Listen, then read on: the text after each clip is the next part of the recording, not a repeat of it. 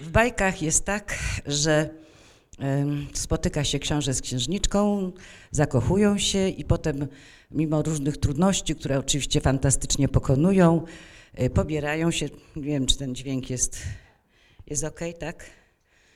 Dobrze. E, I mimo różnych trudności, które pokonują, co jest oczywiście bardzo zajmujące i fascynujące i scalające ich razem, pobierają się i co robią? Żyją długo i szczęśliwie, tak. Na tym się bajki kończą. Ja myślę, że autorzy tych bajek wiedzieli, co robią. Dlatego, że żeby tak było, żeby rzeczywiście się tak wspaniale ciągnęło długo i szczęśliwie, to trzeba jeszcze coś zrobić, nie wpaść w pułapki, które nam stoją na drodze, pokonać różne trudności, które zastawia na nas natura i kultura. I to takie pasmo nieustającego szczęścia jest, y, jest jednak bajkowe troszeczkę. Niemniej bliskie związki są dla nas bardzo ważne, przynoszą nam wiele radości, wsparcia, mogą być ogromną siłą życiową. Tylko dobrze, żeby były, żeby były dobre. Tymczasem, tak jak tutaj w tym tytule wykładu Trudne czasy dla bliskich związków e, mm, powiedziane zostało, to te dzisiejsze czasy są szczególnie dla nich trudne, co spróbuję Państwu pokazać w dalszej części wykładu. Natomiast chciałabym powiedzieć, że głównie skupię się właśnie, jakie z uwagi na naturę, kulturę, czasy obecne, to co się dzieje w tej chwili na świecie i z nami, jakie pułapki szczególnie czekają na, na wszystkich. Będę mówiła o tych trudnościach, które dotyczą wszystkich związków. Nie tylko jakichś takich, że się ludzie nie dobrali, albo że w ogóle spotkały ich jakieś szczególne nieszczęścia i tak dalej, tylko takie pułapki, które są gdzieś czekają na nas wszystkich i warto o nich wiedzieć. Myśl zasady, że jak wiem, co się dzieje i rozumiem, to lepiej mogę działać. Poza tym nie wpada się w panikę. Znają Państwo takie uczucie, wstajemy rano, strasznie woli głowa. O Jezu, coś się dzieje, chyba jestem chory. A nie, to mówią, że zły biometr i ciśnienie fatalne. Okej, okay, wszystko w porządku, jestem zdrowy, idę dalej. I myślę sobie, że coś takiego też jest w bliskich związkach. Jeśli wiemy, rozumiemy, co się w nich dzieje, jeśli wiemy, co, co czyha na nas i w co nie, nie można wpaść, to wtedy funkcjonujemy lepiej i wtedy faktycznie może będzie to długo i szczęśliwie. Jeśli będę mówić o tych pułapkach, to nie znaczy, że będę chciała Państwa zrazić do bliskich związków. Absolutnie nie. Tylko tak jak mówię, właśnie pouprzedzać o pewnych rzeczach. Pierwsza sprawa, o której chciałabym powiedzieć, to takie hmm, nawiązanie do takiego stereotypu. Otóż przedstawiciele kultury zachodniej, my też już jesteśmy nimi, prawda? Byliśmy, jesteśmy nimi, hołdują przekonaniu, że ludzie się pobierają, bo się kochają. Po prostu. Doznali strzały Kupityna, złapała ich ta strzała, połączyła ich i ta miłość silna, ten piorun, który trafił, nie zna granic ani właściwie żadnych przeszkód. Jest, miłość jest wolna, może połączyć wszystkich, każdego z każdym. Ale jak się tak przyjrzymy na mm, pary, które właśnie są razem, to widzimy, że bardzo często są to osoby z tej samej warstwy społecznej, o podobnych dochodach, o podobnym wykształceniu. Krótko mówiąc, na scenie społecznej y, pełnią podobne role. Rzadko się zdarza jednak, mimo tej wolnej takiej mm, drogi miłości, że tutaj nie ma żadnych przeszkód i granic, no żeby córka profesora albo wielkiego konsorcjum szefa y, wyszła za mąż za stróża. Jak się to zdarzy, to telewizja o tym mówi, prawda, bardzo długo, że coś takiego się wydarzyło. Czyli mówiąc krótko, żyjemy na scenie społecznej i muszą zaistnieć na niej pewne warunki, żebyśmy się mogli zakochać. Czyli mówiąc krótko, to czy zakochamy się w tej czy tamtej osobie, jest w dużej mierze uwarunkowane przez zupełnie nieznanych nam ludzi, którzy tworzą obyczaje, konwenanse, pewne reguły społeczne. Bo jeśli na przykład wyjdziemy za kogoś, kto nie na naszej scenie społecznej żyje, albo żenimy się z kimś takim, będziemy z kimś takim w parze, to może się okazać, że będziemy żyli na innej scenie niż ta, do której przywykliśmy. Ona może być lepsza, ale ona może być też gorsza. My to gdzieś wychowani w określonej kulturze czujemy i do tych reguł się stosujemy. Dlatego to jest taka pierwsza kwestia, e, która no, pokazuje, że e, ta taka romantyczna, wspaniała miłość łącząca piorunem kogokolwiek z kimkolwiek, no to jest raczej w balladach minstreli, na których nasza kultura romantyczna wyrosła i, i tam właściwie pozostaje. Następna kwestia jest taka, że mm, jeśli mówimy o wolnym wyborze, to znaczy, że no, jest, świat współczesny jest tak otwarty, że właściwie bardzo wielą, wie- wielka jest paleta osób, które możemy wybierać. I w zasadzie wspaniale. Tylko warto się zastanowić, czy to jest swoboda wyboru, czy to jest tyrania wyboru. Dlaczego? Dlatego, że strasznie dużo jest takich pytań, które so, sobie zadajemy. Czy to jest ta właściwa osoba? Czy nie znajdę lepszej? Czy nie za szybko się decyduję? Czy nie byłoby kogoś, kto jest, nie wiem, piękniejszy, mądrzejszy, bardziej wartościowy? Jak ja się mam w stosunku do, czy nasza atrakcyjność jest wyrównana? To może niekoniecznie stawiamy sobie te pytania w sposób taki świadomy, jak ja je teraz wymieniam, raz, dwa, trzy, cztery i zaznaczam znaczki, ale one gdzieś w naszej głowie są. I proszę Państwa, takie są w tej chwili też czasy, co pewno zauważacie po Waszych kolegach, a może już nawet i po sobie, że rzeczywistość jest bardzo płynna. To, co było ważne kiedyś, to, co przynosiło chlubę kiedyś, to, co było wartościowe kiedyś, w tej chwili się dewaluuje, inne wartości wchodzą na to miejsce, inne rzeczy są cenione, e, inne, inne osoby są cenione. Krótko mówiąc, wszystko płynie. I koledzy, którzy już y, muszą wybierać, y, poniekąd też wybraliście, bo przypuszczam, że Państwo są właśnie już na studiach mm, głównie naszych, myślę sobie, to wybraliście już jakąś drogę, ale jak przyjdzie do wyboru, gdzie iść pracować, to też jeszcze się będziemy zastanawiali. Próbujemy odsunąć decyzję, bo wiemy, że jak tak, wybierzemy zawód, wybierzemy miejsce, w którym pracujemy, wybierzemy miejsce, gdzie mieszkamy, bo kupimy tam mieszkanie, wybierzemy jeszcze coś tam, to tak po prostu wchodzimy powoli w taki coraz głębszy kanał, który nas określa. A przecież w tym świecie jest tyle możliwości. I jeszcze to, i jeszcze to, i jeszcze tamto. I gdy zdecyduję i już pójdę w jakimś kierunku, to nie pójdę w innym. I przy tej wielości właśnie tych możliwości i przy tej takiej rzeczywistości bardzo zmiennej i płynnej, to jest moment, kiedy czujemy tyranię wyboru. Trzeba wybrać, no trzeba wybrać. Kim tu być, co tu robić, z kim tu być.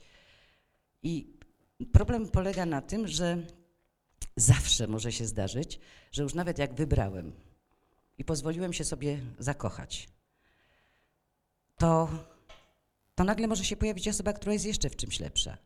A w seksie, a w gotowaniu, a y, w zaradności życiowej, a w czymś, a w czymś. I co? No za szybko zdecydowałem, prawda? Czyli to odsuwanie tej decyzyjności, przesuwanie tego, co będę robił, gdzie będę żył, z kim będę żył, jest takie dość charakterystyczne dla obecnych czasów i w związku z tym utrudnia nam nawiązywanie trwałych związków. Bo tak trudno się zdeklarować, prawda? Czy to nie za wcześnie? E, No, wszystko jeszcze tutaj przede mną, jeszcze i kariera, i tamto i owo, prawda? I dlatego to, e, to odsuwanie powoduje, że, że bardzo dużo singli chodzi po świecie, prawda? Którzy mówią, że bardzo by już nie chcieli być kiedyś singlami, ale, e, ale jeszcze na razie są, bo jeszcze wybierają, jeszcze decydują. Czyli to jest taka, powiedziałabym, wolna ręka, ale w trybach. To znaczy dużo swobody, swoboda wyboru, ale też można tutaj mówić o tyranii wyboru. Ja sobie tu zrobiłam notatki, żeby się za dużo nie rozgadać o jednym punkcie i w związku z tym będę kukała, co mam. Ta cała teczka to nie jest do powiedzenia, nie bójcie się Państwo, to jest, to jest tylko taka, taka całość, którą zabieram razem ze sobą. I teraz jest tak. I dalej mówimy o doborze. Jesteśmy dziećmi natury i kultury. O kulturze za chwilę, o naturze teraz. Co to znaczy, że jesteśmy dziećmi, dziećmi natury? To znaczy, że natura przyciąga ku sobie te osoby, których ładunek genetyczny jest najlepszy dla potomstwa. po prostu przy, py- podobór naturalny, który również funkcjonuje u ludzi, bo to nie jest tak, że wszyscy ze wszystkimi, nie ma proksymizmu. To polega na tym, że natura nas ciągnie, biologia tu działa. Bardzo często przyciąga przeciwieństwa. Coś o tym pewnie wiemy. Te przeciwieństwa, jak się już razem y, zejdą, to w pierwszej chwili zakochania mają poczucie, że to wcale nie jesteśmy przeciwni, jesteśmy strasznie podobni. Wszystko to samo lubimy i tak nam jest tutaj razem wszystko fajnie. To są takie początkowe pewne złudzenia, ale co się dzieje? Te przeciwieństwa, które zostały przyciągnięte przez biologię, przez naturę, to jest ogromna siła, proszę Państwa. Z siłami natury się bardzo trudno walczy. Te przeciwieństwa teraz muszą zacząć funkcjonować razem. Człowiek jest najbardziej skomplikowanym systemem. Nie dość, że sam jest taki bardzo skomplikowany, to jeszcze musi się teraz w jakiś sposób połączyć z drugim systemem, który też jest niezwykle skomplikowany i stworzyć pewną taką psychospołeczną całość, co stwarza bardzo, bardzo wiele trudności.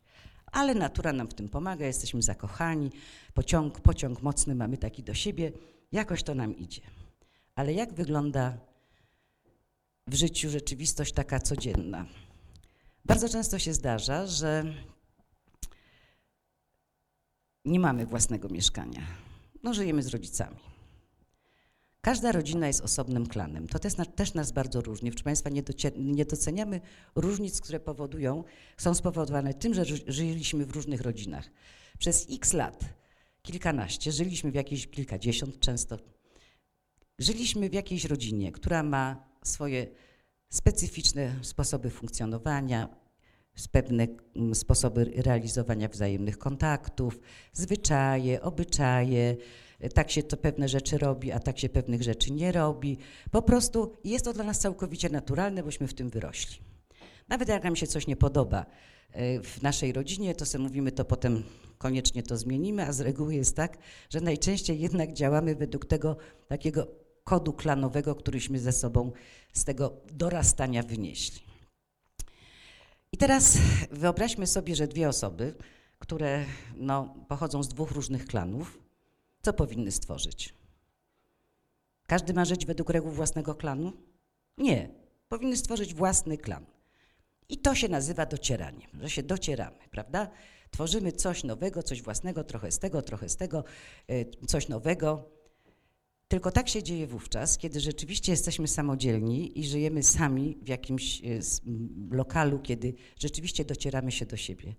Natomiast jeśli dzieje tak, że mieszkamy razem z rodzicami, to jedna osoba, no ta, która jest z innego klanu, bo jedna jest z tego samego klanu, jest praktycznie pod okupacją, ponieważ tamten klan patrzy na nią jak na dziwoląga, co takie dziwne ile on siedzi w tej łazience, albo dlaczego tak się ubiera, albo dlaczego tak się zachowuje, prawda? I teraz ten właśnie y, no, dziwoląg z innego klanu, y, co może zrobić? No, najczęściej mm, ten, kto jest z tego klanu, w którym właśnie w tej chwili mieszkamy, no próbuje chronić tego swojego partnera, albo czasem mówi, przestań się wygłupiać, już jak cię ojciec prosi, to zrób to i tamto, prawda, i tak dalej. Mówiąc krótko, cały czas jest takie docieranie się, tylko że kto się w końcu, co, kto do czego dociera. Najczęściej młodzi docierają się do klanu rodziców, dopasowują się i jakoś to idzie. Po czym dostają własne mieszkanie, kupa radości, wyprowadzają się, no i co? I teraz zaczynają się docierać. Już minął pewien czas, siły natury już nie są aż tak silne, jak, jak były przedtem i zaczyna się te konflikty, które poprzednio, na początku związku by- były, były łatwiejsze do rozwiązania i łatwiejsze byłoby dotarcie, teraz pojawiają się z dużą siłą. I co rodzice mówią? No i proszę, źle wam było u nas? Jak byliście u nas, to fajnie było. A teraz co widzę? Kłócicie się, nie możecie się dogadać. Proszę Państwa, z tego wynika jeden wniosek. Siła klanów jest ogromna. Musimy tworzyć własny klan, dlatego mieszkamy w namiocie, w piwnicy, gdziekolwiek, ale nie z rodzicami. Dlatego, że to się tak właśnie będzie kończyło, jak mówię. Oczywiście, że możemy po tych latach potem się też jakoś dotrzeć i tak dalej, ale będzie to naprawdę o wiele bardziej trudniejsze i e, ta osoba, która już y, kochała tamten klan i była jego członkiem, będzie mówiła, no tak, no bo ty się kłócił z tym ojcem, bo ty tam z mamą coś tam i tak dalej, i tak dalej. Także to niedocenianie klanów jest bardzo ważne i o tym musimy pamiętać. Jeśli jesteśmy jeszcze przy biologii, no i przy biologii, i przy kwestiach y, również y, psychologicznych, to dwie sprawy są bardzo ważne. Otóż na początku znajomości ukrywamy troszeczkę y, swoją prawdziwą twarz. Bo to jest tak, że jeśli nam jakoś zaczęło być dobrze razem i tak akurat mm, chcielibyśmy, żeby to trwało, to na początku no, nie pokazujemy się w całej krasie, e, tylko to, tak raczej pokazujemy się, jak, żeby było fajnie, no, żeby ta osoba nas chciała, żeby się jej podobać. Jak za dużo gadam, widzę, że on tego nie lubi, mniej będę gadać. Na chwilkę się powstrzymam, bardziej będę go słuchać, prawda? I tak dalej. I jeśli bardzo szybko postanowimy, że to jest już konieczne i jesteśmy razem, to bardzo często y, wiążą się dwie osoby, które się kompletnie nie znają. Tworzy się taki ekwilibrium, taki stan zrównoważenia na bazie zupełnie fałszywych informacji. Tymczasem, proszę Państwa, jeszcze tu jest ważna rzecz, że kobiety i mężczyźni mają innym okresach życia fazy heroiczne. Co to jest faza heroiczna? Kiedy jesteśmy heroja, herojami, przekraczamy samych siebie. Mówiąc krótko, stoimy na palcach.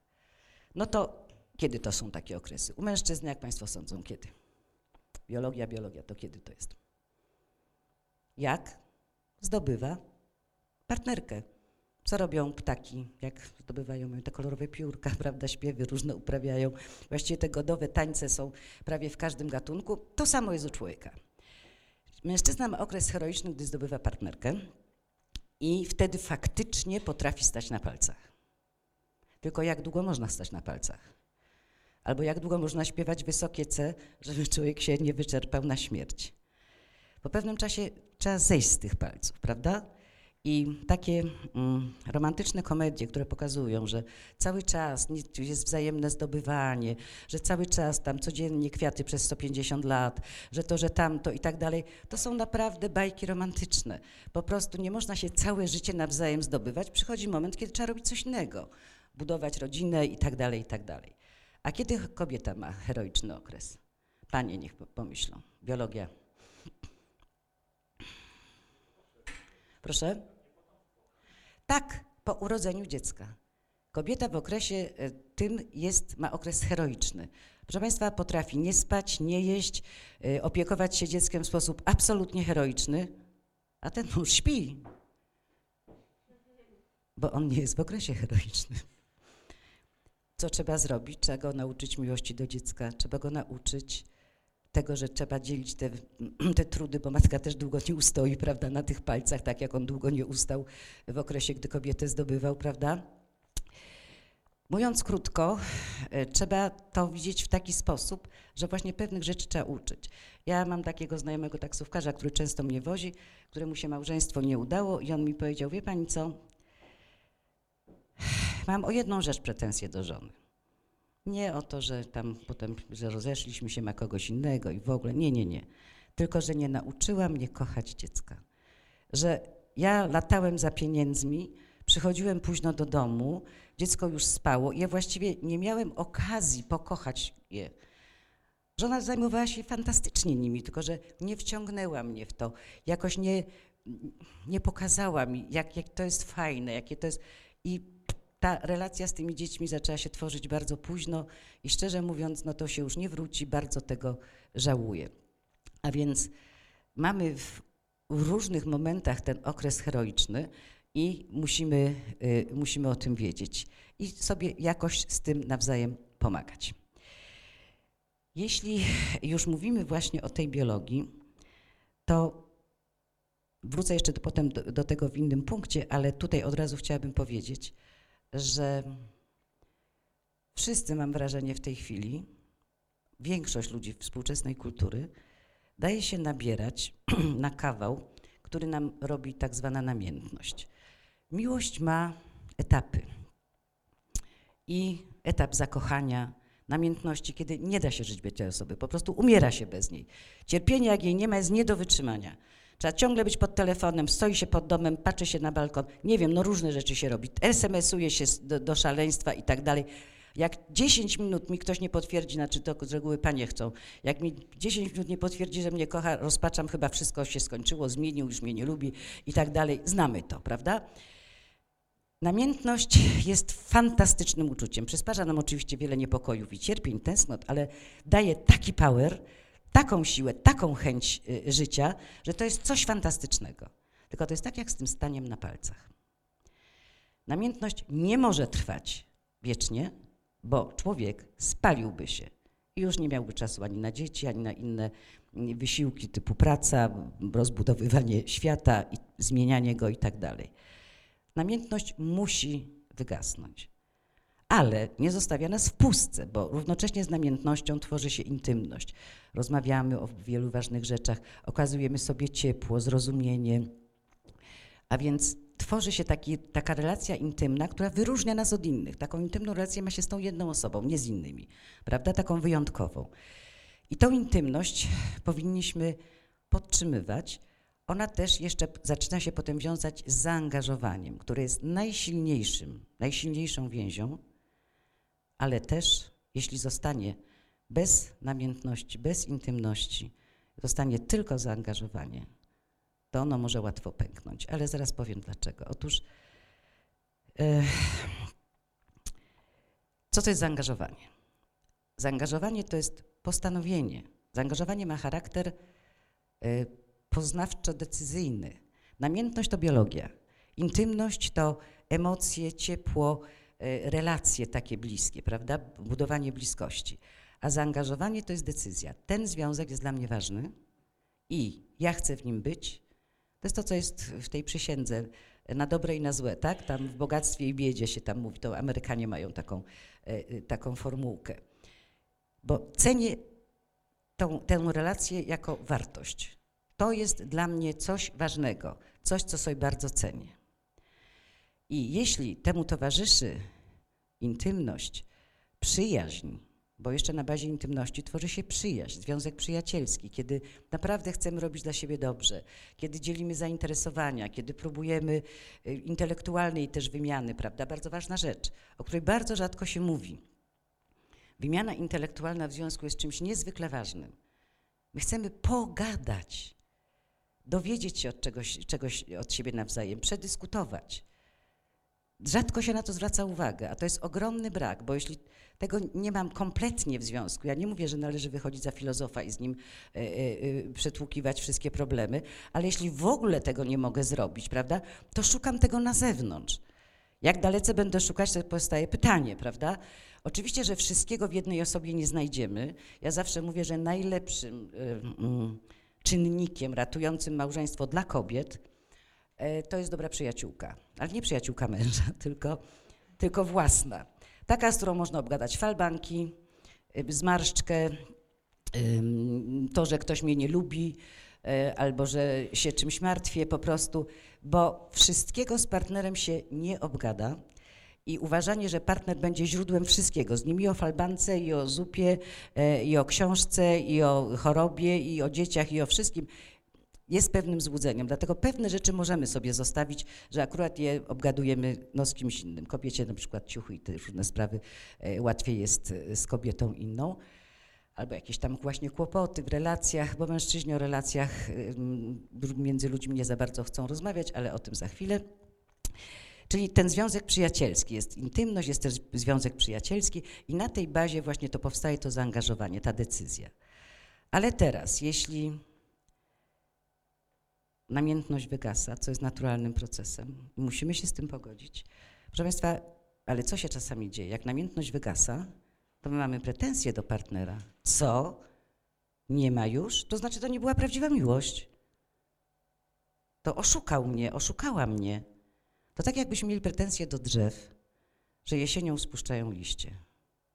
Co za drzewa? Były takie fajne, zielone, i tak nas oszukały, teraz nie mają liści. Przez jakieś kłamstwo. tak to jest właśnie z tą namiętnością, o którą często potem mamy pretensje. Więc namiętność wygasa, bo wygasnąć musi, intymność też może troszeczkę osłabnąć, bo inne rzeczy, zadania życiowe ją troszkę tam prze, y, y, ale zostaje przyjaźń, jest ta decyzja, zaangażowanie, to jest dla mnie ważne, będę ten związek podtrzymywał. Nawet jak coś się nie będzie udawało, to będę to naprawiał, a nie po nowy model, zaraz będziemy szli, tylko spróbujemy to naprawić. To jest ok. Ale jak intymność też się zlikwiduje, zaczniemy tylko mówić ty kup to, ty zrób to i tak dalej, jest podział zadań jak w przedsiębiorstwie i tylko patrzymy, czy się to wszystko dobrze toczy. E, Na przyjaźń jakoś też już nas nie stać, bo, bo nie mamy, każdy się czym innym interesuje, każdy idzie w inną stronę, każdy sobie swoje życie prowadzi, zaczynają konie wciągnąć w dwie różne strony. To zaangażowanie, ponieważ jest decyzją, co się może stać decyzją? Możemy ją zmienić. Powiedzieć tak, uważałem, że to jest bardzo ważny związek, a teraz już tak nie uważam, zmieniam decyzję i ten związek opuszczam. Dlatego, dlaczego, znaczy, dlatego mm, jest tak ważne, żebyśmy pamiętali, że ten taki właśnie wzajemny, wzajemne ciepło i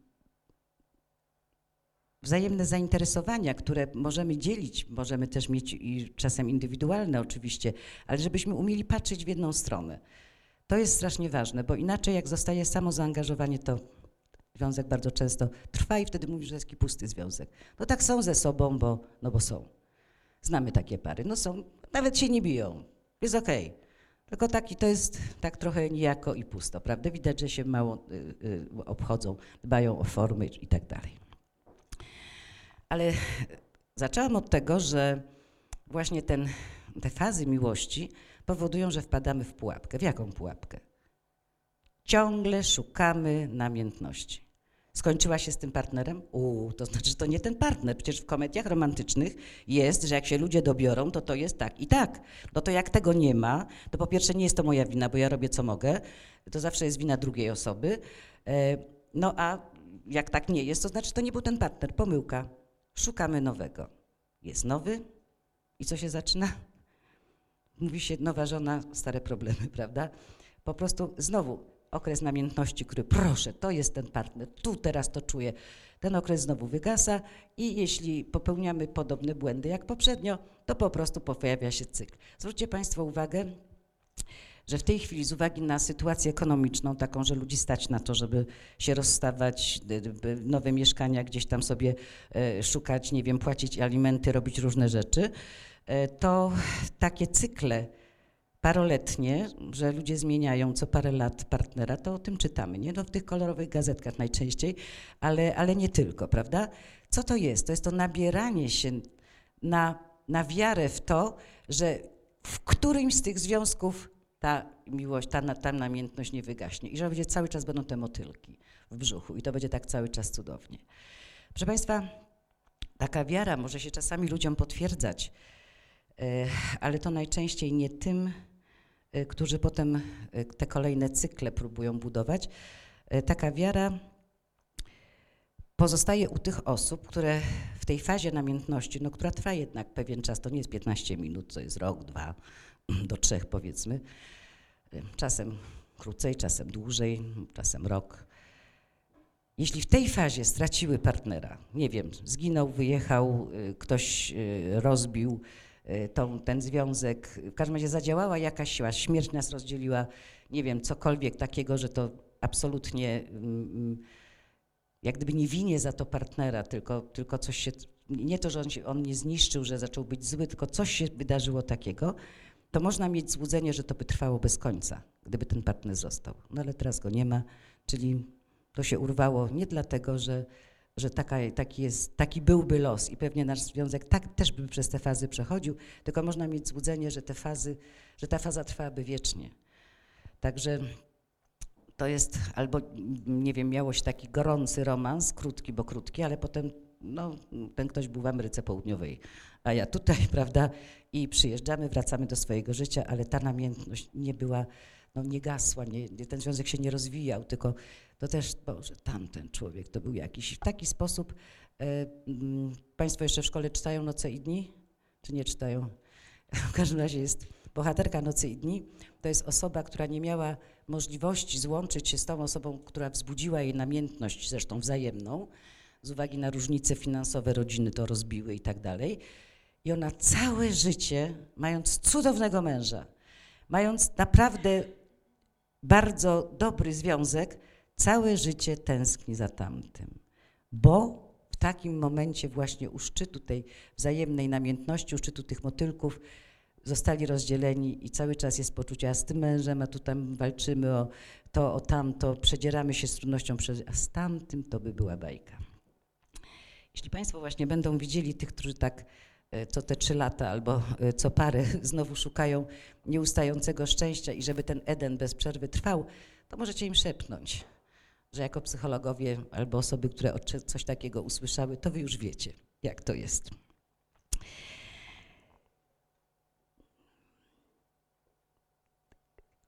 Następna rzecz. Czy znamy się wzajemnie? Proszę Państwa, bardzo szybko ludzie, my działamy ekonomicznie.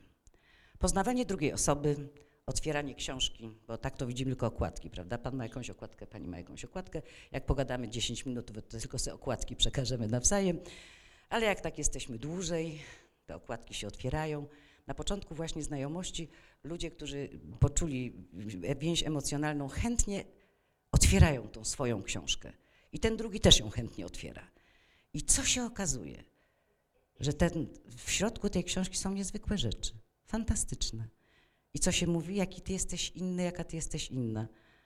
A ktoś, cynik, mówi, banał, co ci takie opowiada bzdury. Nie, to nie są bzdury. Jeśli mamy okazję kogoś poznać głębiej, to tak jakbyśmy odkrywali Amerykę. Za okładkami naszych książek, popatrzcie Państwo na swoją książkę.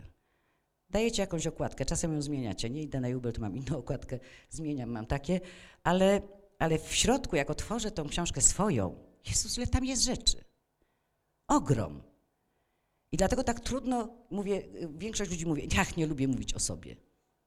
No, a przy piwie to 8 godzin można, prawda, opowiadać, a ten drugi jak nie zaśnie, to słucha.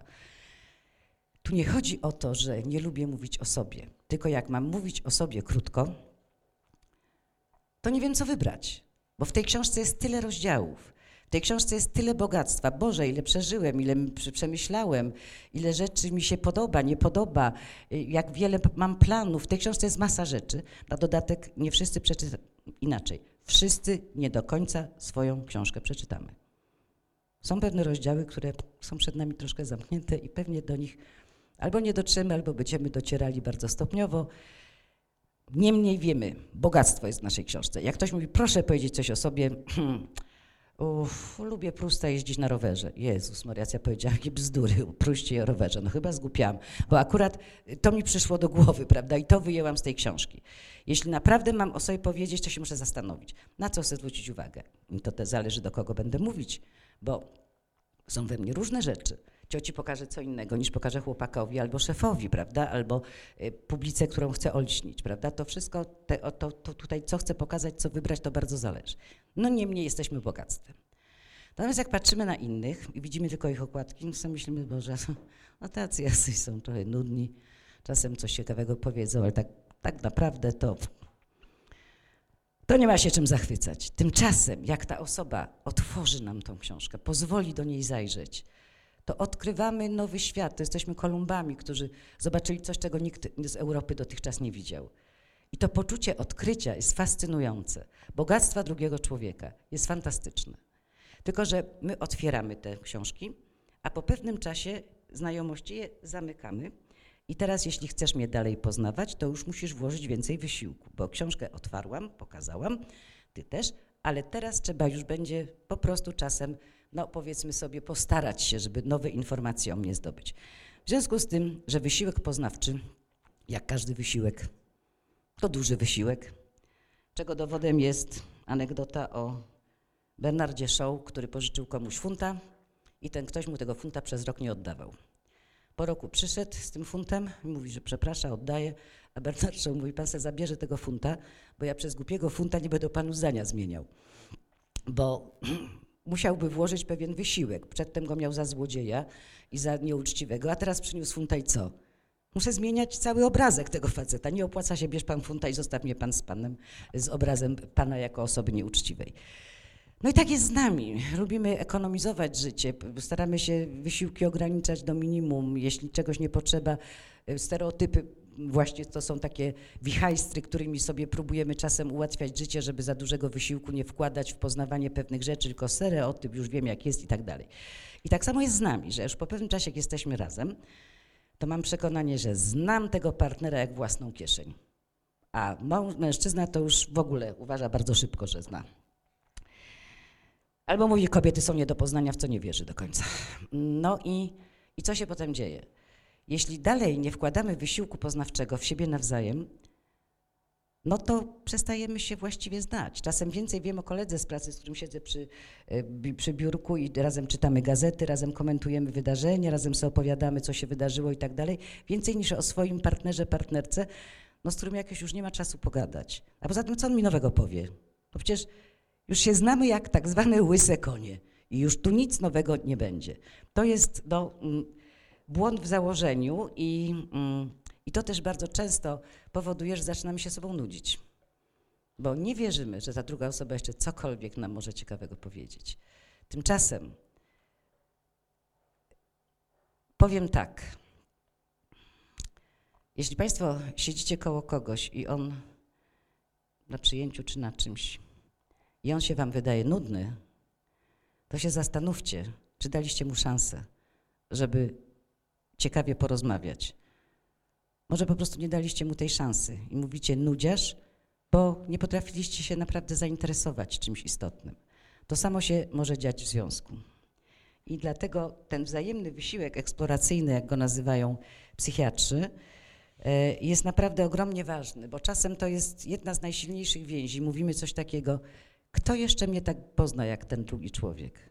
Z kim ja jeszcze raz taką beczkę soli zjem? Że tyle już potrafimy tak się dobrze rozumieć, tak świetnie, tak świetnie potrafimy razem czegoś szukać, razem w jakimś kierunku iść i rozumiemy się, czego szukamy. Czyli ten wysiłek eksploracyjny może być bardzo silną więzią, która przy sytuacji kryzysu może spowodować, że jednak zastanowimy się, czy ten kryzys powinien nas rozdzielić, czy nie. I skoro na dodatek jeszcze jest y, taka sprawa, że mm, ym, bardzo często mylimy się co do y, różnych preferencji partnera. Jest taka anegdota, każdy oczywiście opowiada, że to jego znajomi, to akurat nie byli moi znajomi, ale wierzę, że tak się zdarzyło. Y, Na jubileuszowym obiedzie y, po 25 latach małżeństwa jest elegancki obiad, siedzą goście. Pan domu, y, który dostaje pierś, bierze talerz, trzaska nim o stół, pi- pierś kury, bo to kura, znaczy ten y, y, pierś, przepraszam, źle wyszło, E, bo podany był kurczak i dostał pierś kurczaka, bierze talerz, rzuca nim o stół i mówi nie, może raz po 25 latach zjadłbym utko, co? Żona mówi, Boże, ty lubisz to szare świństwo? Boże, przecież ja ci dawałam co najlepsze, bo to jest naprawdę najlepsze. Ty naprawdę to szare świństwo chciałbyś jeść? Proszę Państwa, po 25 latach dowiedzieli się, że z miłości, z wzajemnie, bo mąż mówi, ja ci też y, oddawałem to, co uważałem za najlepsze, prawda? Jak się kupuje pół kurczaka, to jest jedna pierś, jedno łódko.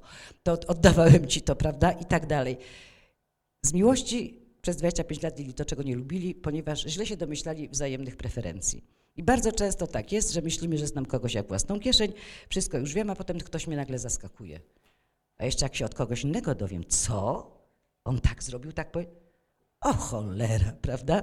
Proszę Państwa, zmieniamy się. Zmieniamy się stale.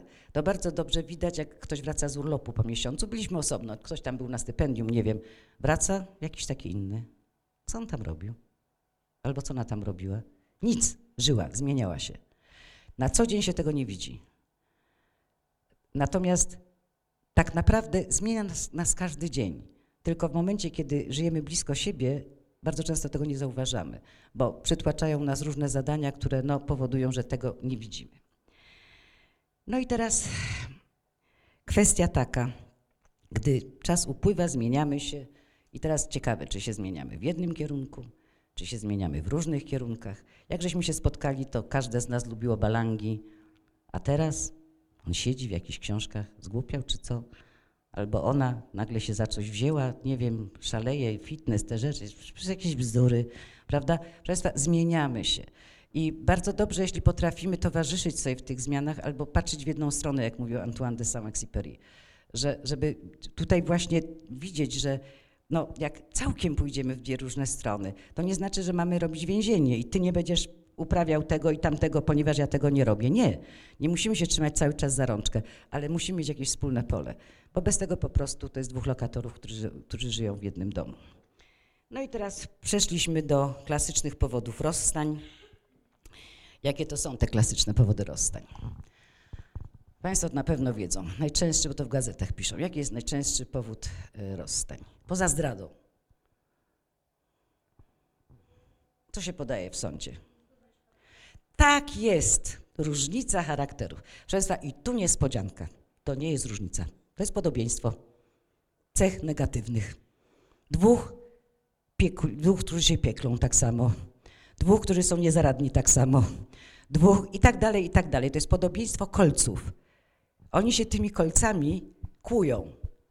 Swojego kolca nie widzą. Człowiek nigdy nie widzi swojego kolca. Widzi tylko kolec partnera. I co mówi? Proszę bardzo, przecież z tym wariatem, z tym osobą taką szalejącą i kłód wściekającą się przecież żyć nie można. Ja, ja się nie kłócę, ja tylko mówię. O co chodzi? Proszę Państwa, naprawdę mnie się śmiać chce, że to się tak dalej nazywa w sądach, bo to naprawdę najczęściej jest podobieństwo kolców. Podobieństwo negatywnych cech charakteru, które w miarę jak żyjemy coraz dłużej razem ze sobą, to coraz bardziej to tak jak but. Przez godzinę mam jest niewygodny, okej. Po dwóch godzinach zaczyna się robić tam jakaś ranka, prawda? Po pięciu godzinach but jest nie do wytrzymania, chociaż to jest ten sam but, który ubrałam na początku, prawda? Tak też jest z, tymi, z tą różnicą charakterów, prawda? Że nagle się okazuje, że taka straszna różnica, a to jest właśnie to, że coś nas ocierało, najczęściej coś podobnego, jak się dobierą dwie osoby dominujące, albo dwie niezaradne, albo właśnie dwie, dwie osoby, które są, się pieklą, albo dwie osoby, które się obrażają na pół roku i tak dalej, no to, to bardzo trudno. To, I to jest ta różnica charakterów. Następna kwestia. Proszę Państwa, tak zwany mezalians na zamówienie. To sobie też fundują bardzo często młodzi ludzie. To znaczy tak, pobieramy się, jesteśmy bardzo młodzi, jest dziecko, najczęściej od razu, szybko, tak, albo czasem to nawet jest powód, że się uczymy, ale to wcale nie jest zły powód, znowu taki. E, No to, to teraz tak, teraz ja y, się wykształcę i zdobędę, zrobię karierę, a potem ty. I bardzo często się zdarza, że rosłem, rosłem, aż wyrosłem z tego małżeństwa. Bo potem ja już jestem taki mądry, taki wykształcony, taki na takiej wysokiej pozycji. A tu co? Kura domowa z dzieckiem. Szkołę ledwo skończyła. I co ona wie o świecie? Ona nie jeździ na zjazdy integracyjne, ona nie ma szkoleń, ona nie była na delegacjach ważnych. Co ona wie o życiu? Nic.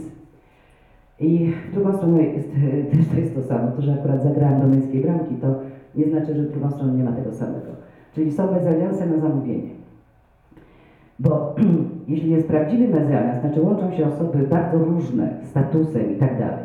Jeśli potrafią to udźwignąć, jeśli ta osoba, która ma nieco wyższy status, potrafi cały czas akceptować, że ta druga osoba ma niższy albo pomóc jej w zbliżeniu się do siebie, to jest okej. Natomiast to jest mezalians na zamówienie. Na początku go nie było. Potem pojawia się dopiero. Mm. I jeszcze jedna rzecz, ale to jest sprawa dość odległa. Otóż bardzo często jest tak, że gdy pokonujemy razem trudności, nie wiem, opór rodziny, trudności ekonomiczne, y, jakieś y, no, najróżniejsze problemy razem, ręka w rękę, przegryzamy się przez nie, życie na smak, może czasem słony, ale na smak. Coś się dzieje. I potem dorabiamy się pieniędzy, no to sobie budujemy willę, będzie fajnie, zaczyna być coraz mniej problemów, jest coraz więcej czasu na różne rzeczy. I paradoksalnie rzecz biorąc, ktoś robił kiedyś takie, to nie są badania naukowe, bo nie były na setkach osób, Ale ogromnie często ludzie, którzy razem wybudowali dom z dużym trudem, wybudowali, usiedli w tym domu i teraz gdzie jest to szczęście?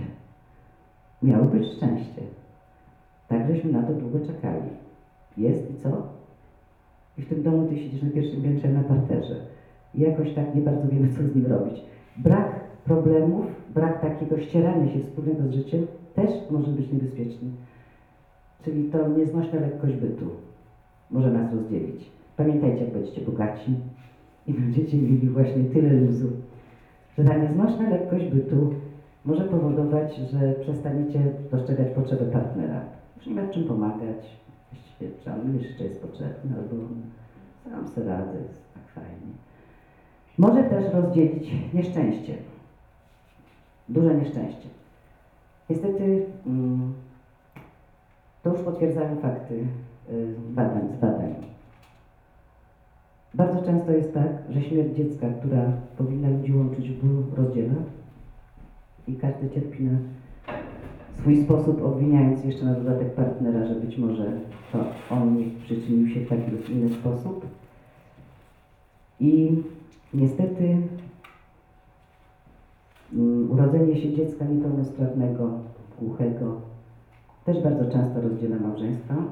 I tu muszę do Państwa, do Panów bramek się, że tak powiem, dobra, kopnąć piłkę. Bo niestety bardzo często jest tak, że mężczyźni mówią, że są za wrażliwi, żeby patrzeć na to nieszczęście. I nie dają rady. No ale nie mówmy o takich smutnych rzeczach. To są nieszczęścia, które spotykają mnie aż tak często, a jak nas spotkają, to sobie na pewno damy radę. Kolejna rzecz to model małżeństwa. Państwo wiedzą, że tradycyjny, kiedy żona robi się w kuchni, strasznie mi się zawsze podobał ten kawał, co to znaczy, jak żona jest y, w tym, w salonie. Za długi łańcuch. Tak. No więc właśnie ten model, w którym ten łańcuch działał, odchodzi w niesławie, no nie pasuje do nowych czasów. E, Już nie jest tak, że panowie na przyjęciu wstają, prawda, otrzepują surduty, nie wiem, tam flaki, cokolwiek i wychodzą razem na whisky, papierosa i tam się bawią, a pani potem gdzieś tam, nie, już tego nie ma, prawda, nie ma. To był model bardzo tradycyjny, o którym mówię, ale ten tradycyjny też powoli odchodzi. Jak mówię, w pewnej niesławie, bo nie pasuje. No i jaki no, model powstaje nowy? Partnerski. Tylko czy on jakoś już powstał? Czy tamten odszedł i ten nowy przyszedł? Mam wątpliwości.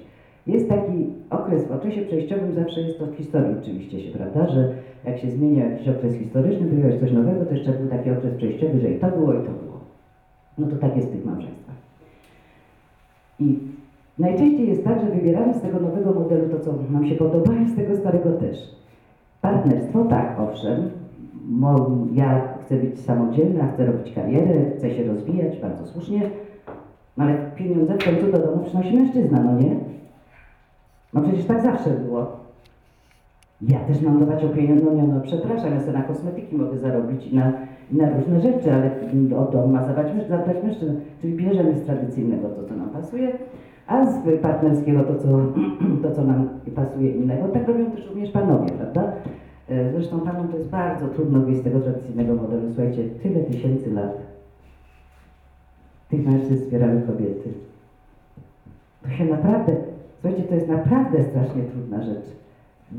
No, wszędzie jest jeszcze, e, są jeszcze ślady tego starego modelu. Za chwilkę powiem o badaniach, które sama robiłam i robili Amerykanie, co z nich wyszło. Ale wróćmy do tego właśnie, że te modele jeszcze się tak y, y, mieszają. Ale nawet jeśli ten partnerski się pojawia, to bardzo często pojawia się w takim błędnym rozumieniu. Partnerski polega na tym, w tym rozumieniu, że tak, ty myjesz naczynia, ja robię zakupy, ten robi to, ten robi to. Nie było co kupować, to mam wolne. A to, że w tej chwili prasło coś i akurat trzeba tutaj coś, to swoje zadanie. Nie. Model partnerski polega na tym, że w trudnych sytuacjach wszystkie ręce na pokład, a obowiązki dzieli się elastycznie. Jak ty masz teraz bilans pracy, to ja trochę więcej zrobię, bo wracasz późno, a potem jak ja będę miał z kolei, nie wiem, delegację, to ty zniesiesz lekko to, że mnie nie ma, prawda? I tak dalej. Czyli krótko mówiąc, powinniśmy rozmawiać. Nie wściekam się, nie piekle, rozmawiam. To jest zasada modelu partnerskiego. i który jest elastyczny i potrafimy go dostosować do potrzeb sytuacji. No tylko, że to nie jest łatwe. Dlaczego? Bo zawsze widzimy własne zobowiązania, a nie widzimy cudzych. Ja się tu posłużę przykładem z pracy. Proszę Państwa, jak jest duża instytucja i jest dział finansowy i dział personalny, to dział finansowy mówi tak, co oni w tym personalnym robią? Jakieś papiery mają do wypełnienia i potem je układają w teczkach i to jest raz na zawsze. My to mamy, tu zmiany, tutaj procenty, tam coś się dzieje, tutaj... Prze...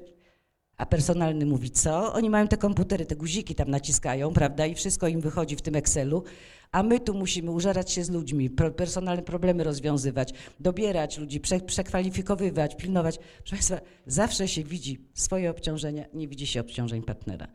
I to samo jest w związku, że to partnerstwo dlatego jest takie trudne, że najczęściej nie widzę, co ten partner robi, bo by trzeba tak zapisywać na tablicy, co to dzisiaj było, ach to, ach to, no to prowadzi to do absurdu, prawda? Ale swoje obciążenia dobrze znamy, bo je czujemy na własnej skórze. Natomiast cudzych obciążeń już tak nie czujemy. Tymczasem odpowiedzialność polega na tym, no, że, że rozumiem, że ja jestem odpowiedzialny, ale ta druga osoba też ponosi odpowiedzialność. Jak tak dobrze pomyślę, to widzę, że również. No chyba, że jest to przykład już taki krzyczący o niesprawiedliwość, no to wtedy ja widzę, wszyscy widzą, ale najczęściej tu się troszkę mylimy. Czyli zasada rozmawiam, a nie rozliczam, bo bardzo często się rozliczamy. No i ty, co ty do diabła zrobiłeś wczoraj, dzisiaj, albo co ty przez cały tydzień robiłeś, prawda? Rozliczanie. Rozliczanie do niczego dobrego nie prowadzi. Człowiek, jak jest rozliczany, czuje się najczęściej pokrzywdzony, traktowany przedmiotowo, y, odczuwa brak zrozumienia.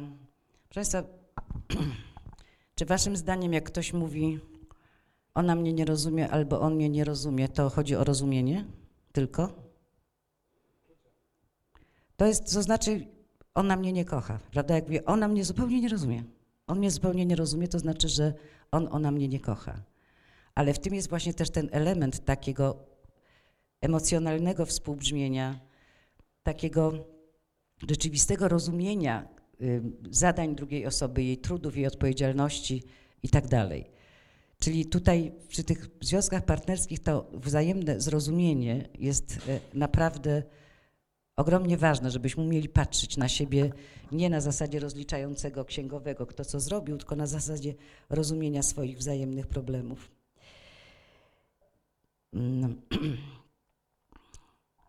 Tym bardziej, że w tej chwili, proszę Państwa, jeszcze z tymi. Mm, mm, u nas jakoś tak w Polsce te związki dwukarierowe tak jakoś weszły po cichu.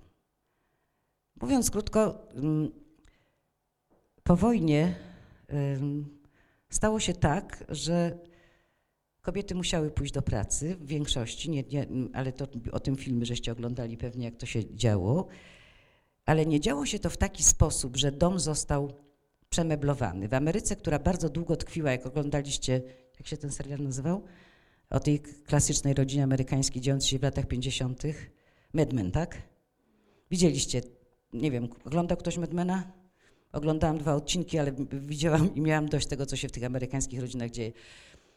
Taki ostry podział na role kobiece, role męskie, a kobieta jeszcze musi być laleczka, no już w ogóle tak doprowadzony do, do absurdu. I w momencie, kiedy ta rodzina amerykańska się przetwarzała i wchodziła w nowy model, to się strasznie zmieniała, ale pod każdym względem. To znaczy, jeśli kobieta szła do pracy, to teraz kto przejmie jej obowiązki? Czy stać nas będzie wtedy na pomoc domową? Najczęściej tak się działo, że brało się pomoc, żeby zastąpiła. Albo, no jak to ułożymy organizacyjnie? Zmieniała się całkowicie organizacja w domu. A u nas co było? Kobieta leciała do pracy, wracała z pracy, robiła zakupy, gotowała, prała e, i tak dalej. Po prostu wzięła nowy plecak. Przedtem miała jeden plecak, a teraz ma dwa. I fajnie. Co najgorsze, kobiety były z tego strasznie dumne dały radę. Ciężko było. W stanie wojennym, jak było ciężko, nic nie było do jedzenia. Ocet był w sklepach. Jak się coś zdobyło, jakim trudem, Matko Boska, ale wszyscy mówili, jak ty to zrobiłaś, Zośka? Jak ty to zrobiłaś? Jesteś fantastyczna gospodni. To przynosiło pewne nagrody.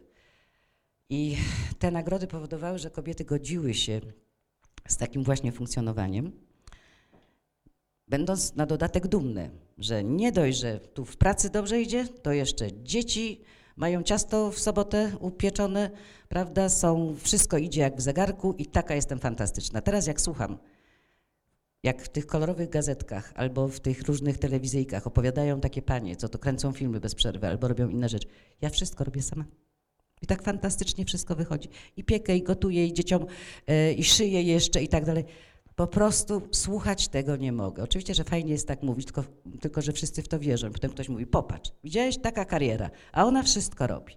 I wracamy znowu do tej kwestii tego wsparcia mężczyzn. Proszę Państwa, tu jest pewien problem. Problem, który polega właśnie na różnicy w socjalizacji, w socjalizowaniu się tych dwóch płci. Te różnice są y, w paru punktach bardzo ważne.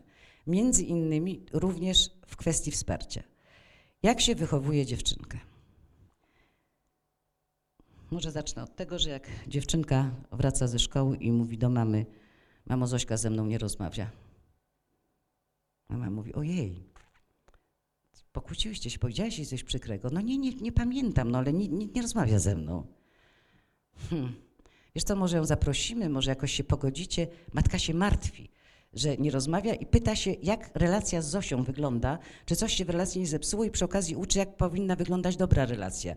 Wiesz, nie powinnaś może była jej tego mówić, albo powinnaś była jej pomóc, albo coś. No, uczy się dobrych relacji. Tak wygląda socjalizacja dziewczynki. I dla dziewczynki rozmawianie jest potwier komunikowanie się, rozmawianie jest potwierdzeniem, że wszystko jest ok. Jak Zosia rozmawia, to jest ok.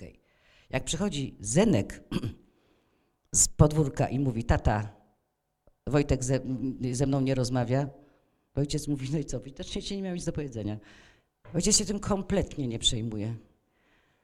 Najwyżej jak on przyjdzie i mówi, że Zenek dał mi w mordę, znaczy Wojtek dał mi w mordę, to pyta, oddałeś mu? Tak, no to w porządku.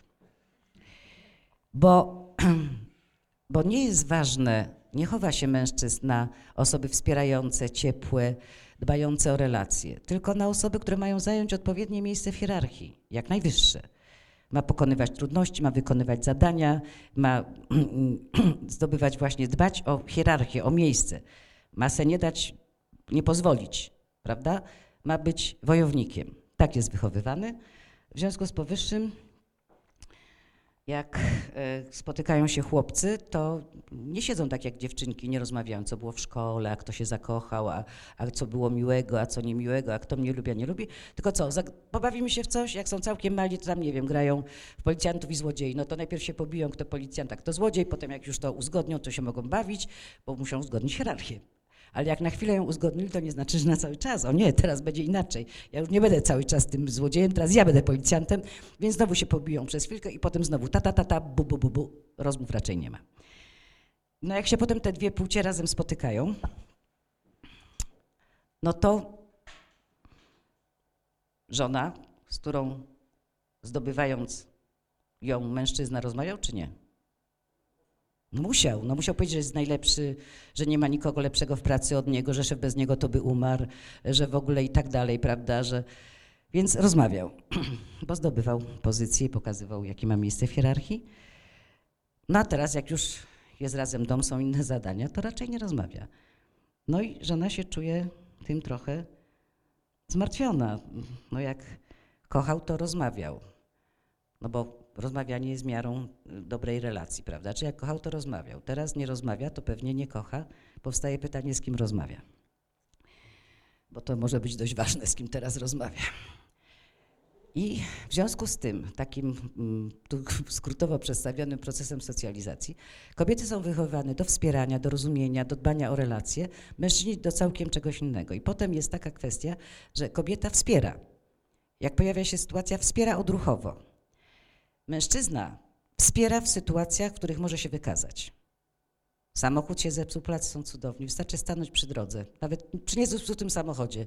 Co drugi się zatrzymuje. Stało się coś? Nie, nie, tylko palę papierosa, nie chcę w środku. Także to jest piękne. Jak się mogę wykazać, prawda, jak mogę y, tej słabej kobiecie y, coś dobrego zrobić, to to robię.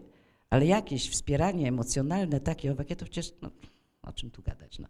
Najczęściej niestety jest tak, że tam kobiet, gdzie kobieta widzi problem i chciałaby go obgadać, bo na przykład, nie wiem, coś z kuzynką jest nie tak, coś tam, to mężczyzna w ogóle problemu nie widzi. Nie to, że nie chce o nim gadać, w ogóle tego problemu nie widzi. I teraz jest tak, że mężczyzna ma być e, wysoko w hierarchii. To teraz jak kobieta go wspiera, może to robić oficjalnie, daj pomogę ci. O, widzę, że sobie z tym nie radzisz, tak? Nie, bo to obniża mężczyznę w hierarchii. Pokazuje, że jest gorszy niż myśli, lepszy, albo żona widzi, że jest słaby w jakimś punkcie. Kobiety najczęściej pomagają bezszelestnie. I Hopfol w swojej książce Stres, kultura i coś tam jeszcze, w każdym razie autorem Hopfol, e, przytacza taką wspaniałą historię, jak robił badania nad wsparciem i umówił się mm, z y, no jednym badanym, że będzie w domu z nim rozmawiał. No i przyszedł do tego domu, żona go tam wpuściła, y, ten człowiek siedział w fotelu, y, no i Hopfol mówi, wie pan, że głównie chciałem rozmawiać właśnie o, y, o tym, o tamtym, no mówi, że o wsparciu. On mówi, o pana, pan źle trafił, ja w ogóle nie korzystam ze wsparcia, jestem niezwykle samodzielną osobą i tak dalej. No ale skoro już pan przyszedł, to proszę tutaj, y, Zosiu podaj kawę. Zosia przyniosła kawę, y, podała mu sweter, bo się zrobiło chłodno, powiedziała, że odebrała dwa telefony i przekazała, że będzie później wolny i tak dalej, i tak dalej. I po tych dwóch godzinach Hopfol wyszedł i mówi, przecież ten człowiek był cały czas przez nią wspierany. Tylko on tego po prostu w ogóle nie widział. I dlatego mówię, że dla mężczyzn przyszła trudna pora, że to niewidoczne wsparcie kobiet naprawdę znika. Wyparte przez zobowiązania kobiet, przez to, że już nie mogą. Najlepszy kotel dla tatusia, e, prawda, tutaj cicho bądźcie, bo tatuś e, i tak dalej. Przecież wszystkie domy dawniej, wy już tego pewno nie znacie, ale ja znam, były no, pod mężczyznę ustawione. On jest zmęczony, wraca z pracy, nie szkodzi, że matka też pracowała, ale dlaczego ona ma być zmęczona? Także to wsparcie wpisane głęboko w kulturę, działające najróżniejszymi torami, e, działało i mężczyzna mógł być silny. I teraz ono się mu usuwa spod nóg. I to, że się mężczyźni gubią, o czym się pisze, czyta, prawda, że mężczyźni trochę gubią w swojej roli, po prostu strasznie trudno jest w tej chwili też y, być mężczyzną, bezrobocia, różne kłopoty transformacyjne, takie inne, prawda, trudno jest tą rolę tego takiego trzymającego y, y, atlasa pełnić, nieco się gubią, ale też się do tego przyczynia właśnie ta kwestia, że to wsparcie się trochę usuwa. Bardzo się do tego przyczynia. I powiem Państwu, że w badaniach amerykańskich, w których badano pary przez pewien okres trwania, to znaczy badano, badano pary, które, może inaczej, badano pary, które przetrwały. Przetrwały długie lata, to znaczy te, te brano chyba 15, 20, 25, jakoś tak. Co było wspólne dla tych wszystkich małżeństw? Wspierająca żona i tu uwaga, mąż, który nie miał nic przeciwko temu że ona go wspiera, czyli dobrze przyjmował wsparcie. Był za nie wdzięczny, nie walczył z nim. Nie był, nie srożył się, prawda? Nie obrzydzał jej życia, tylko przyjmował to wsparcie. I robił to życzliwie, nie sprzeciwiał się mu. To była naj, jedyna cecha, która powtarzała się w tych parach, które przetrwały. Gdy ja badałam y, y, osoby o różnym stażu małżeńskim, to też się okazało, że te pary y, w, mm, o dużym stażu męż- bardzo były zgodne co do wzajemnej oceny. To znaczy mężczyźni mówili, że nie potrafią wspierać żon tak, jakby one sobie tego życzyły, natomiast one wspierają ich bardzo dobrze. Natomiast y, widzieli, że w gospodarczych sprawach tam w niektórych są może niezbędni i tak dalej. Mówiąc krótko, mężczyźni wiedzieli, że żony ich wspierają, wiedzieli, że oni nie umieją odpowiedzieć tym samym, ale obie strony z tym były bardzo dobrze pogodzone i tak dalej, i tak dalej. Czyli krótko mówiąc, mężczyźni zdawali sobie sprawę y, z tego, że chcą wspierać, ale może niekoniecznie potrafią. Y, I ta kwestia zostaje w tej chwili jako ważna kwestia, jak mężczyzn wychowywać, uczyć, by też umieli wspierać. Bardziej, że w pracy okazuje się, że ten model funkcjonowania kobiet, który jest właśnie taki konsyliacyjny, że chcą, żeby mm, to, co się dzieje, odpowiadało w miarę wszystkim, e, żeby zdobyć właśnie jakiś konsensus, zadają pytania, mm, gdy czegoś nie wiedzą, albo zadają pytania, żeby właśnie dopasować coś do życzeń różnych osób. On jest w pracy potrzebny, bo mężczyźni pytań nie zadają, bo jak zadaje pytania, to znaczy czegoś nie wiem.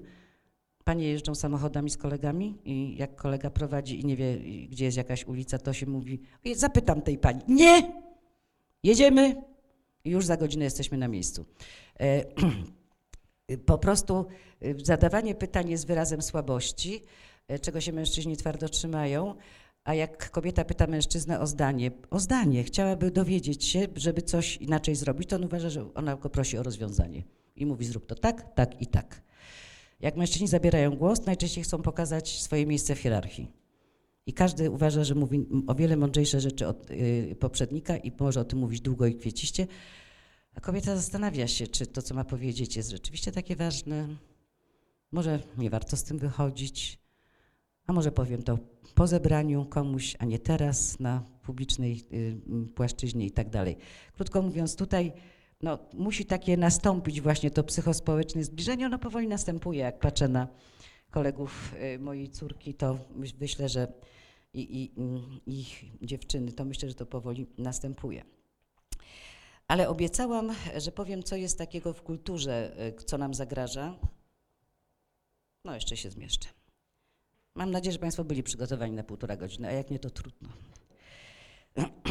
Nie obrażę się, jak ktoś będzie wychodził. Chciałabym powiedzieć o y, kilku rzeczach. Po pierwsze, o wpływie globalizacji. Proszę Państwa, co ma globalizacja do bliskich związków? Dużo. Państwo wiedzą, że globalizacja generalnie, może zacznę od przykładu o, o tych bananach. Pamiętacie, chodziło o to, że banan ma mieć określone wygięcie, tak, kolor i coś, prawda? I ta, to jest wtedy się liczy jako dobry banan. Jak taki nie jest, to go nie kupujemy i nie wchodzi na rynek. E, Globalizacja jest procesem, który z jednej strony ogromnie zbliża e, ludzi, lepiej rozumiemy świat, więcej o nim wiemy i tak dalej, ale z drugiej strony wszystko jest skłonna odrzucać, co nie jest zgodne z wyidealizowaną normą. Globalizacja ustala, co jest normalne, co powinno być normy, normy wzorce i tak dalej. I w związku z tym jest, jest tak, na dodatek ciągle widzimy w mediach e, właśnie takie osoby, które są takie wzorcowe, prawda? Jak, tam im, jak, jak się im żyje, jak to na, w praniu wygląda, tego nie widzimy, ale widzimy te wzorce, które są pokazywane, prawda? Taki wzorzec, inny wzorzec. I właściwie wszyscy powinniśmy być od metra przycięci.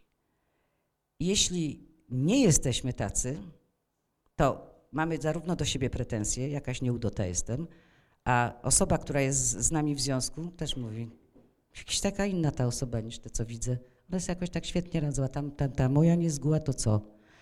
Mówiąc krótko, globalizacja właśnie mm, przykładając taką wielką wagę do norm i odrzucając to, co jest poniżej normy, powoduje, że my też zaczynamy mieć wygórowane e, wymagania. I też przykładamy taki właśnie idealny y, wzorzec do naszych partnerów.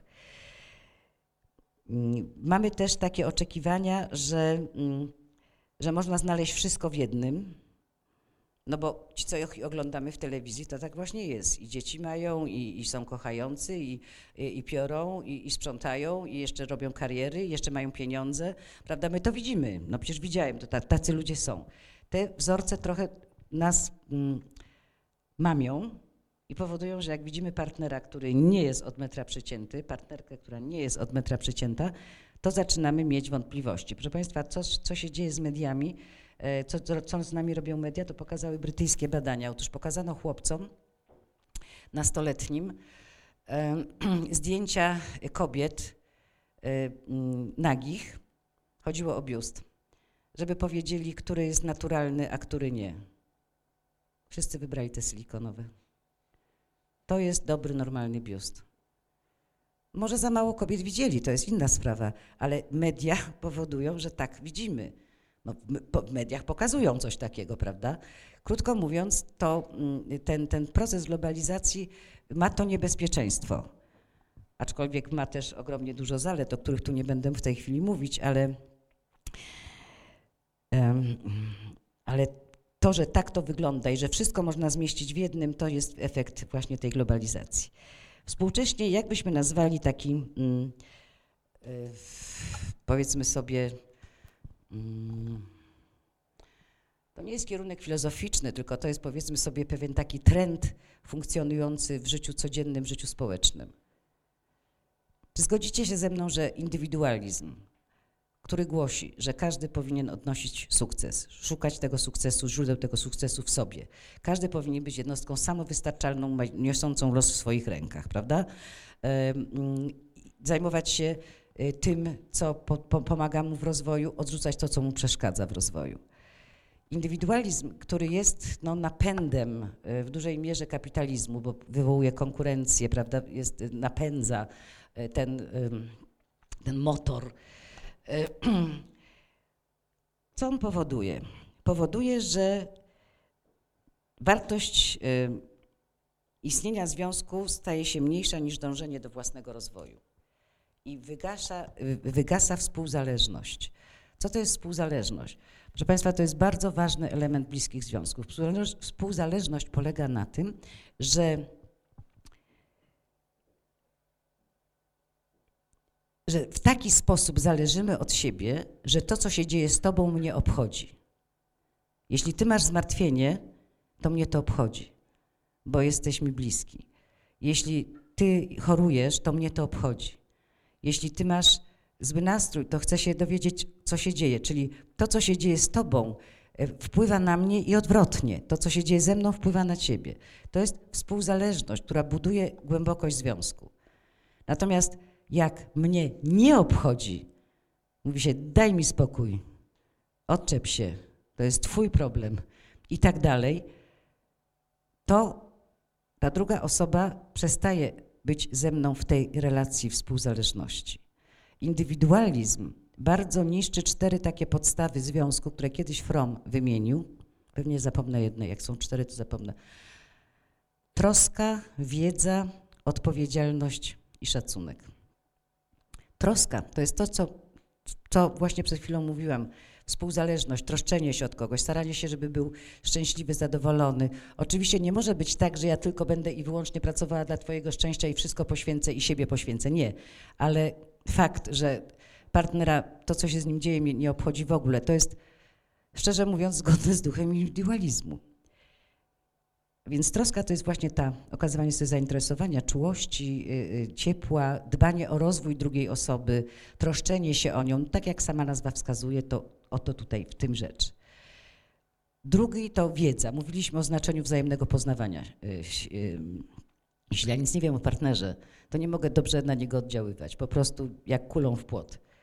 Po prostu robię absolutnie nie to, co jest skuteczne, trafne, potrzebne, czyli troska, wiedza są dość oczywiste. Odpowiedzialność. Odpowiedzialność, która polega na tym, że będąc razem z kimś, czuję się też współodpowiedzialna za to, co się z tą osobą dzieje. I nie może być tak, że nie zauważę, że osoba gaśnie przy mnie. Y, Że, mm, a, takie ona ma humory, prawda?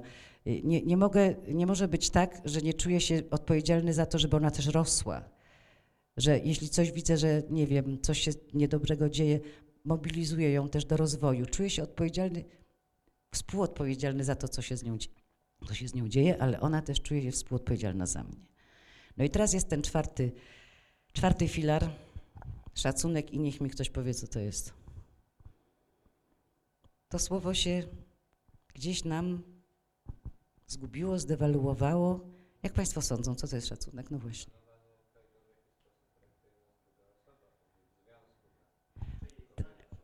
Tak, i to jest związane z czym, że jak ja ją widzę, jak ja ją.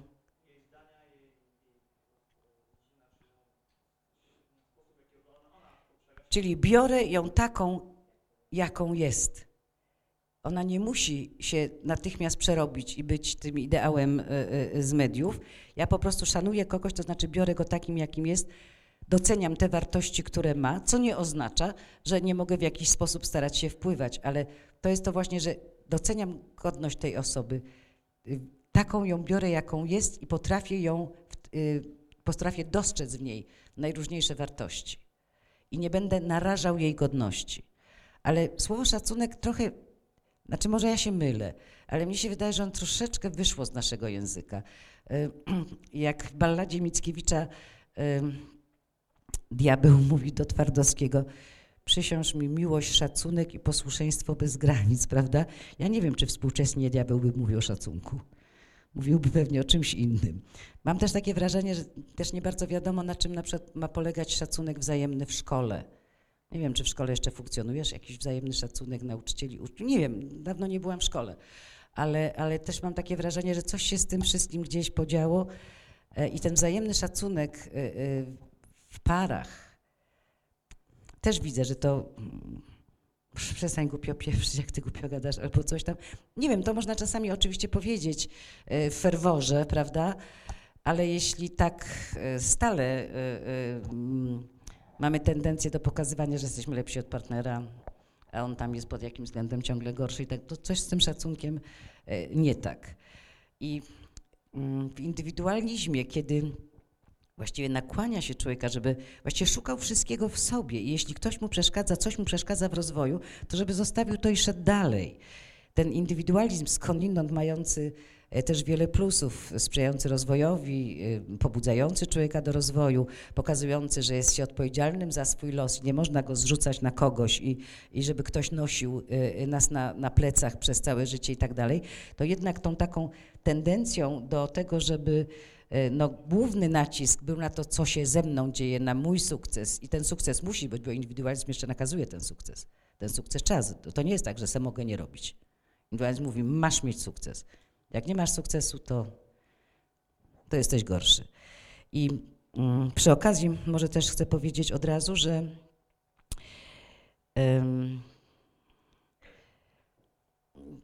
ta ta kwestia, to już teraz się nie odnosi do pary, tylko do poszczególnych osób.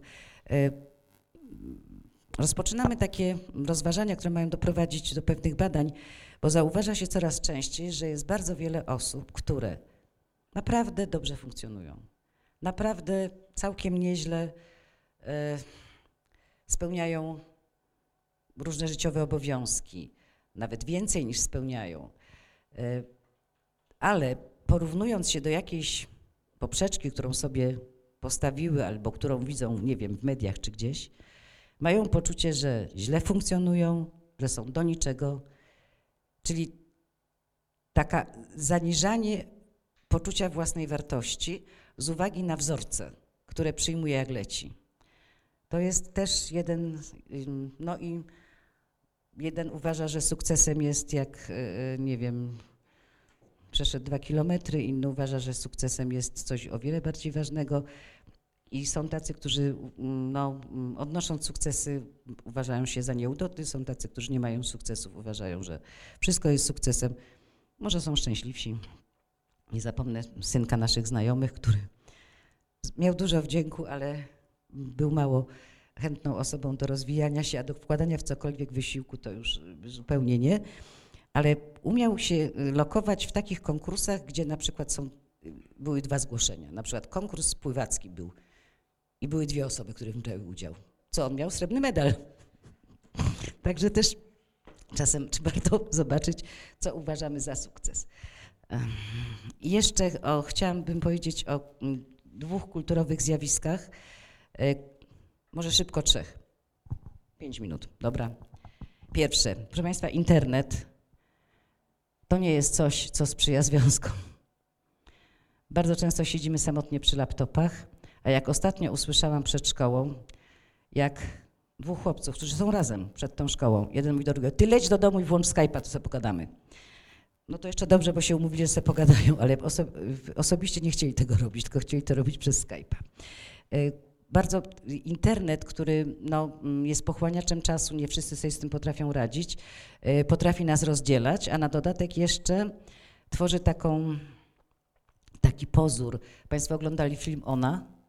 Jeśli są Państwo, y, chcą być psychologami, to oglądnijcie. To jest film o człowieku, który się zakochał w takim programie, który umie reagować y, dobrze. Jak on mówi tej osobie, ta kobieta to była coś, to ona się uczy, jak reagować, żeby jemu się podobało. E, I przyszedł moment, że żadna kobieta właściwie nie spełniała tych wymagań, które spełniała ta ona, która dopasowywała się idealnie do jego życzeń i wymagań.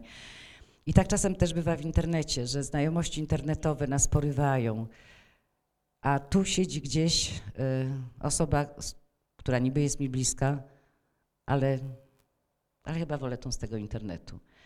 Także tutaj też trzeba uważać internet, y, permanentne bycie na bieżąco z komórkami. Muszę być bez przerwy w kontakcie z całym światem przez Facebooka i przez wszystko. Można gdzieś tego partnera y, i czas dla niego y, w tym zgubić. To bardzo skracam o tym internecie, ale już muszę, bo się rozgadałam. Zaborcze korporacje. Proszę Państwa, e, dyspozycyjność, wyjazdy integracyjne, szkolenia, romanse biurowe, e, różnice w tempie awansów, e, konflikt praca-dom, dom-praca, e, bardzo dotkliwie dotykający niektórych. Zaborczość korporacji bardzo nie sprzyja, nie sprzyja rodzinom i to Państwo o tym już pewno tysiące razy słyszeli. Teraz pod, coraz więcej ludzi jakoś próbuje się wyrwać spod tej e, niewolnictwa e, e, e, takiego właśnie, że właściwie służę w życiu korporacji bardziej niż czemukolwiek innemu. To też nam nie sprzyja, a żyjemy w świecie korporacji. I e, jeszcze bym powiedziała o dwóch rzeczach. Po pierwsze, mamy kulturę komercyjną, w której wszystko jest na sprzedaż. My sami też. From o y, osobowości merkantylnej mówił x lat temu, mówiąc, że co to jest osobowość merkantylna? To jest taka osobowość, która właściwie nie ma osobowości, tylko opakowuje się w to, co modne. To jest zbiorcze, to ja jestem taka. To jest zbiorcze, to jestem taka. Nie ma, proszę Państwa, moim zdaniem Ibisz jest taki, albo ktoś jeszcze, nie wiem, wszystko jedno. W każdym razie opakowanie, ważne jest opakowanie, żeby mógł się sprzedać. I kto dostaje wyższą cenę, ten jest bardziej wartościowy. Dwie te same torby, jedna sprzedana w Cimiu za 5 zł, druga w Warszawie za stówę, która jest bardziej wartościowa? No ta w Warszawie, chociaż to są dwie te same torby. To powoduje mm, no, właśnie świat komercyjny, świat merkantylny i proszę Państwa, już właściwie wszystko jest na sprzedaż, yy, bo co się dzieje z osobowością merkantylną? No, już jej nie ma nic w środku. Jak opakowanie się zdejmie, to w środku nic nie ma. Trzeba nałożyć następne. To jest tak jak dzbanek. Jak stłuczemy dzbanek, to co jest? W środku coś? Nie, pusto. To jest osobowość dzbanka. Póki jest opakowanie, póki jest tam zewnętrzne ten, to, to, to, to istniejemy. Póki jest zewnętrzny, Boże, jak to się nazywa? No, nie wiem, kształt, osnowa, kurczę, nie wiem. Nie, Osnowa to jest co innego, przepraszam. E, no, w każdym razie, póki istnieje ten zewnętrzny e, mm, mm, kształt, ale pusty w środku, to jakoś jest okej. Natomiast jak stłuczemy tą skorupę, o skorupę mi chodziło, e, tą skorupę, to w środku nic nie ma. Czyli mer- merkantylizowanie wszystkiego. Ostatnio właśnie komentowałam, znaczy dla mnie to było straszne. E, Otóż e, matki samotnych dzieci to jest coraz częstsze, korzystają ze sponsorów, no takich właśnie, no sprzedają się po prostu, ale nie w taki sposób, y, y, y, to nie jest prostytucja, tylko to jest sponsoring. Państwo oglądali film, Państwo wiedzą, co to jest. I gdy rozmawiałam z nimi, to powiedziała, ja mam 1200 zł i dwoje dzieci. Mąż, nie, nie da się z niego ściągnąć alimentów. Ja wszystko zrobię dla dziecka. Wszystko.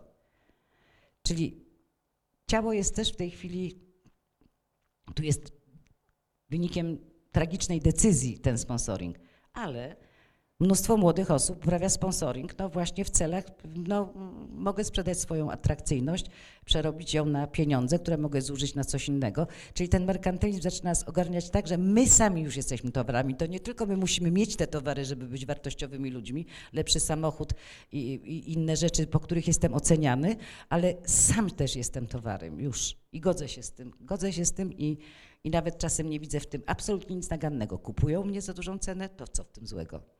To znaczy, że jestem na fali. I ostatnia rzecz. y, y, Proszę Państwa, y, żyjemy również w czasach, kiedy mm, dość dużo rodzin się rozdziela z uwagi na zarabianie pieniędzy, prawda? Wyjeżdża się, żeby zarobić na rodzinę i tak dalej. Chciałabym tu powiedzieć o mm, tym, że długie rozstania i ich konsekwencje nie są dobre.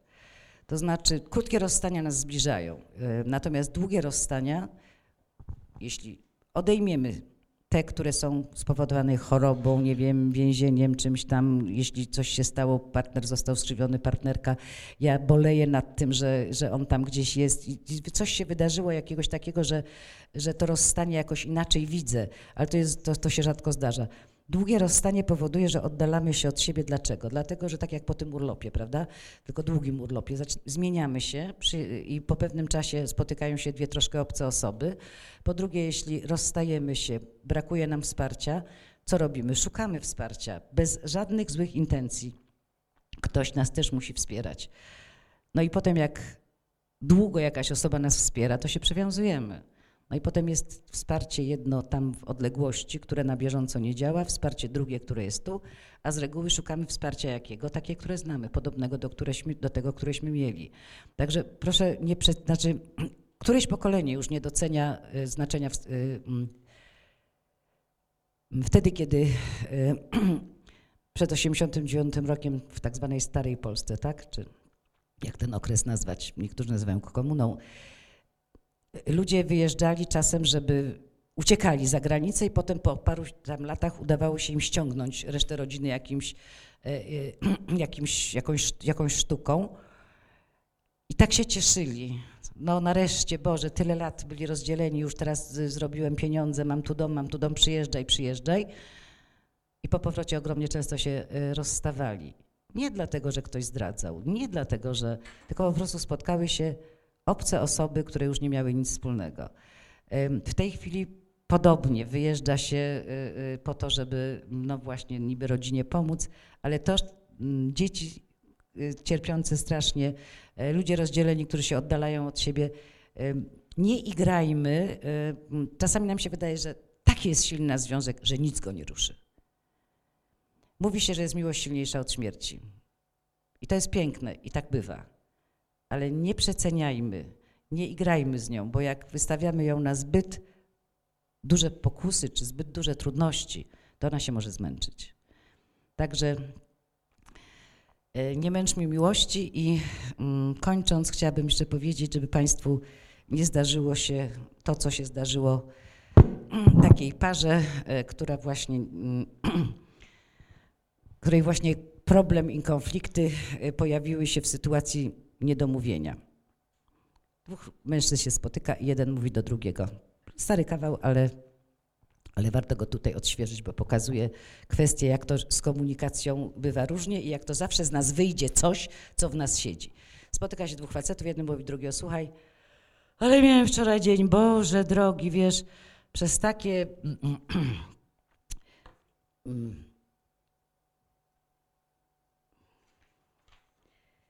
Przez takie, nie, przez takie niedomówienie, które mi się wydarzyło, psiakość, wiesz, przejęzyczenie w zasadzie, to nie było niedomówienie, tylko przejęzyczenie.